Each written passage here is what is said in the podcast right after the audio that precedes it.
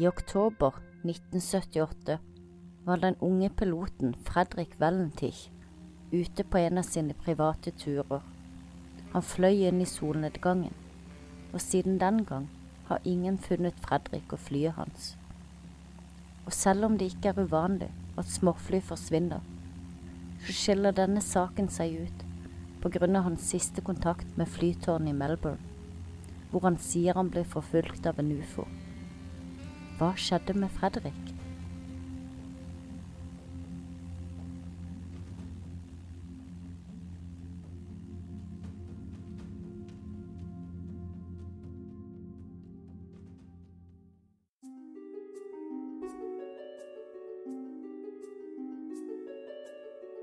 Sett deg godt til rette med noe godt i koppen, og bli med inn i mystikk og mysteriers verden.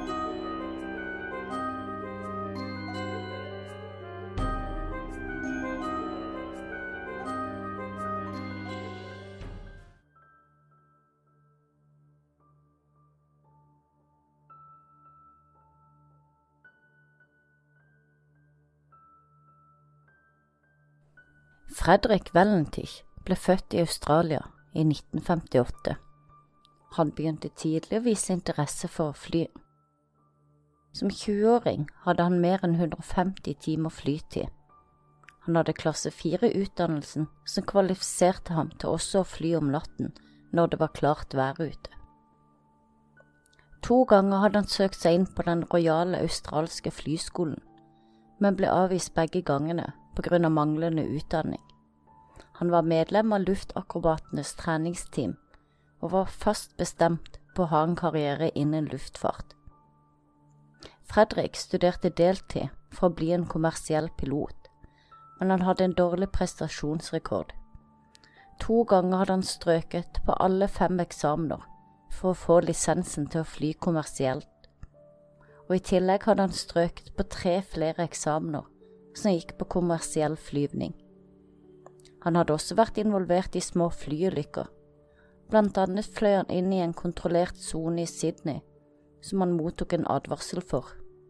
Og to ganger hadde han med vilje flydd inn i skyer, og hvor Luftfartstilsynet vurderte å rettsforfølge ham. Ifølge Fredriks far, Guido, var Fredrik en ivrig ufo-entusiast, og han bekymra seg for angrep fra ufoer.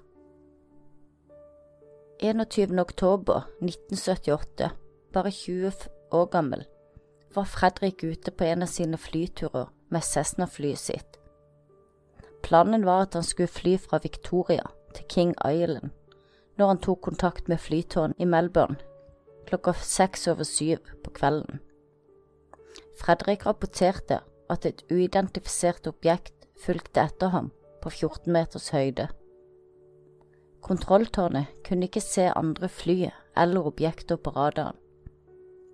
Fredrik forteller radiotårnet at han ser et stort, ukjent objekt som så ut til å være omringa av fire sterke landingslys.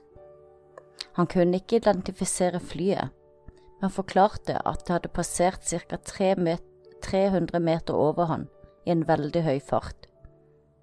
Videre rapporterte Fredrik at flyet kom mot han på østsiden og at han mistenkte at den andre piloten med vilje lekte seg med han.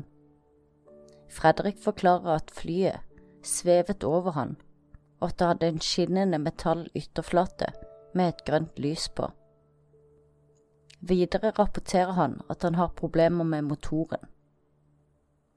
Kontrolltårnet ber Fredrik identifisere flyet som følger etter han, og Fredrik sier, det er ikke et fly, så ble samtalen avbrutt av lyder som høres ut som metalliske skrapelyder, og deretter ble all kontakt brutt.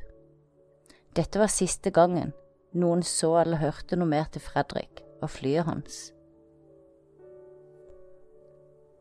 Her er en gjengjeldelse av hele samtalen som Fredrik hadde med radiotårnet. Fredrik. Hei, dette er Delta Sierra Juliet.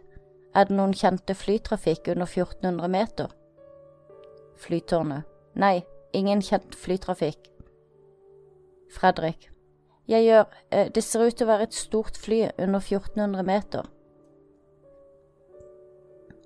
Flytårnet. Hva slags fly er det? Fredrik. Jeg kan ikke se hva slags fly det er. Det har fire store lys. Det ser ut som landingslys. Fredrik. Ett minutt senere. Flyet har nettopp passert over meg, ca 300 meter over meg. Flytårnet. Og det er et stort fly. Bekreft. Fredrik. Det flyr så fort. Er det noe militærfly i området? Flytårnet. Nei, ingen kjente luftfartøy i området. Fredrik. Det kommer mot meg nå, fra østsiden. Det ser ut som om han leker med meg. Han fløy over meg to–tre ganger, i en fart jeg ikke klarte å identifisere. Flytårnet. Hva er ditt høydenivå? Fredrik. Jeg er på 1500 meters høyde. Flytårnet. Kan du bekrefte at du ikke klarer å identifisere fartøyet? Fredrik. Jeg bekrefter. Flytårnet. Mottatt. Hold linjen. Fredrik. Det er ikke et fly. Og så er mikrofonen åpen i to sekunder. Flytårnet. Kan du beskrive flyet? Fredrik. Når det passerte meg, så jeg bare en avlang form. Jeg kan ikke identifisere mer enn det på grunn av det har så høy fart. Det er rett foran meg nå, Melbourne. Flytårnet. Mottatt. Og hvor stort tror du objektet er? Fredrik. Melbourne. Det virker som de jager meg. Akkurat nå så kjører jeg rundt i bane, objektet kjører i samme bane rett over meg. Det har et grønt lys og er veldig metallisk og skinnende på utsiden. Det forsvant. Melbourne. Vet dere hva slags fartøy det er? Er det militært? Flytårnet. Bekrefter at fartøyet forsvant. Fredrik. Hva? Flytårnet. Er fartøyet fremdeles rundt deg? Fredrik. Det Det kommer mot meg fra sørvestsiden, og motoren begynner å oppføre seg merkelig. Jeg har satt den på 24-24, og motoren Så blir det avbrutt av hosting. Flytårnet. Mottatt. Hva er det du forsøker å gjøre? Fredrik. Jeg forsøker å komme meg til King Island. Og Melbourne. Det merkelige fartøyet svever over meg igjen. Det svever og Og det er ikke et fly. Melbourne. Og så er mikrofonen åpen i ca 17 sekunder, og man kan høre metalliske skrapelyder og statiske lyder før det blir helt stille. En stor leteaksjon ble satt i gang, til havs, himmels og lands, men Fredrik og flyet hans har aldri blitt funnet. Så hva skjedde med Fredrik og hans fly denne kvelden? En av teoriene er at Fredrik iscenesatte sin egen forsvinning. Hvis man beregner at Fredrik allerede hadde vært i luften i 30–40 minutter, ville likevel Cessna-flyet ha nok bensin til å kunne fly ytterligere 80 mil. Og selv om det var klare værforhold den dagen, ble Fredriks fly aldri oppdaget på radaren, som gjør at noen er skeptiske til om flyet i det hele tatt var i nærheten av Cape Outway. Melbourne-politiet skal visstnok også ha mottatt rapporter om et lite fly som gjorde en merkelig landing ikke langt fra Cape Otway, i samme tidsperiode som Fredrik forsvant. Men hvis det stemte, er det jo rart at ingen har funnet flyet på 40 år. En annen teori er at Fredrik tok selvmord, men intervjuer som er utført med hans leger, kolleger, venner og familie, har utelukket denne muligheten.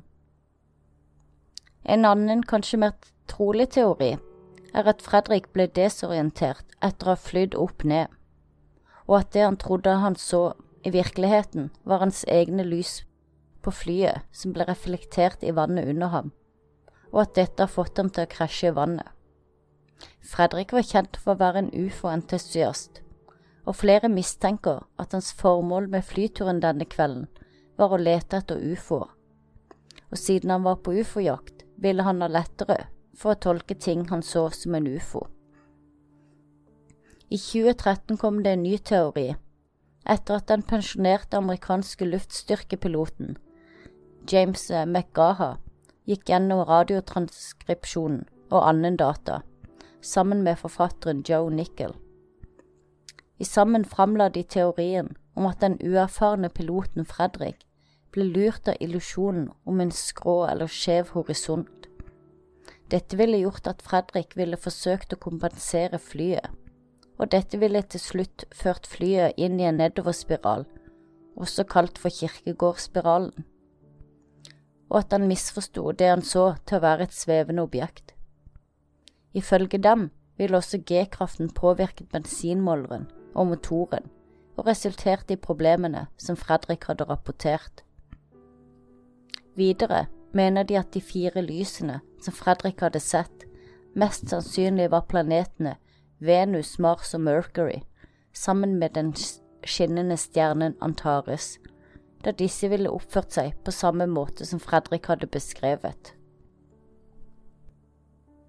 Men den mest populære teorien er selvsagt at det var en ufo som fikk han til å forsvinne på mystisk vis.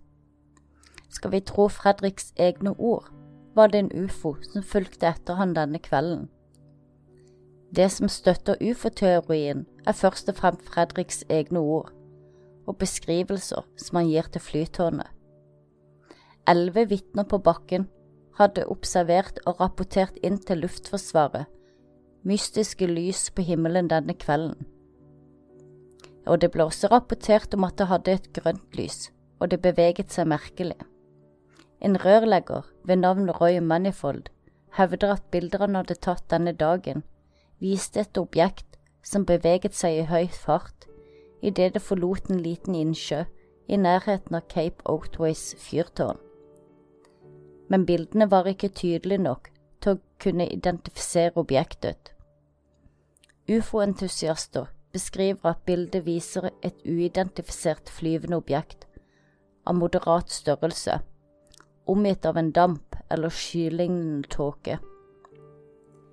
I 2014 ble det blåst nytt liv i ufo-teorien, da en ufo-gruppe ønsket hjelp til å identifisere en bonde i nærheten av Adelaide, som visstnok skulle ha observert et 30 meter langt flyvende objekt som svevde over huset hans morgenen etter at Fredrik forsvant. Det ble videre hevdet at et Cessna-fly hang fast på siden av det store fartøyet, og at det lakk olje fra det. Bonden skal visstnok også ha rippet inn Cessna-flyets registreringsnummer på traktoren sin. Bonden hadde aldri kommet frem med informasjonen, da han hadde blitt latterliggjort av de få vennene han fortalte historien til.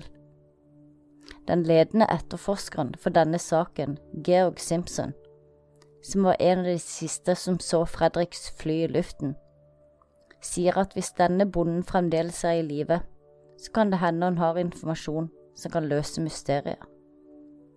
Så hva skjedde? Krasja Fredrik i havet etter å ha flydd opp ned eller blitt desorientert? Eller ble han bortført av ufoer?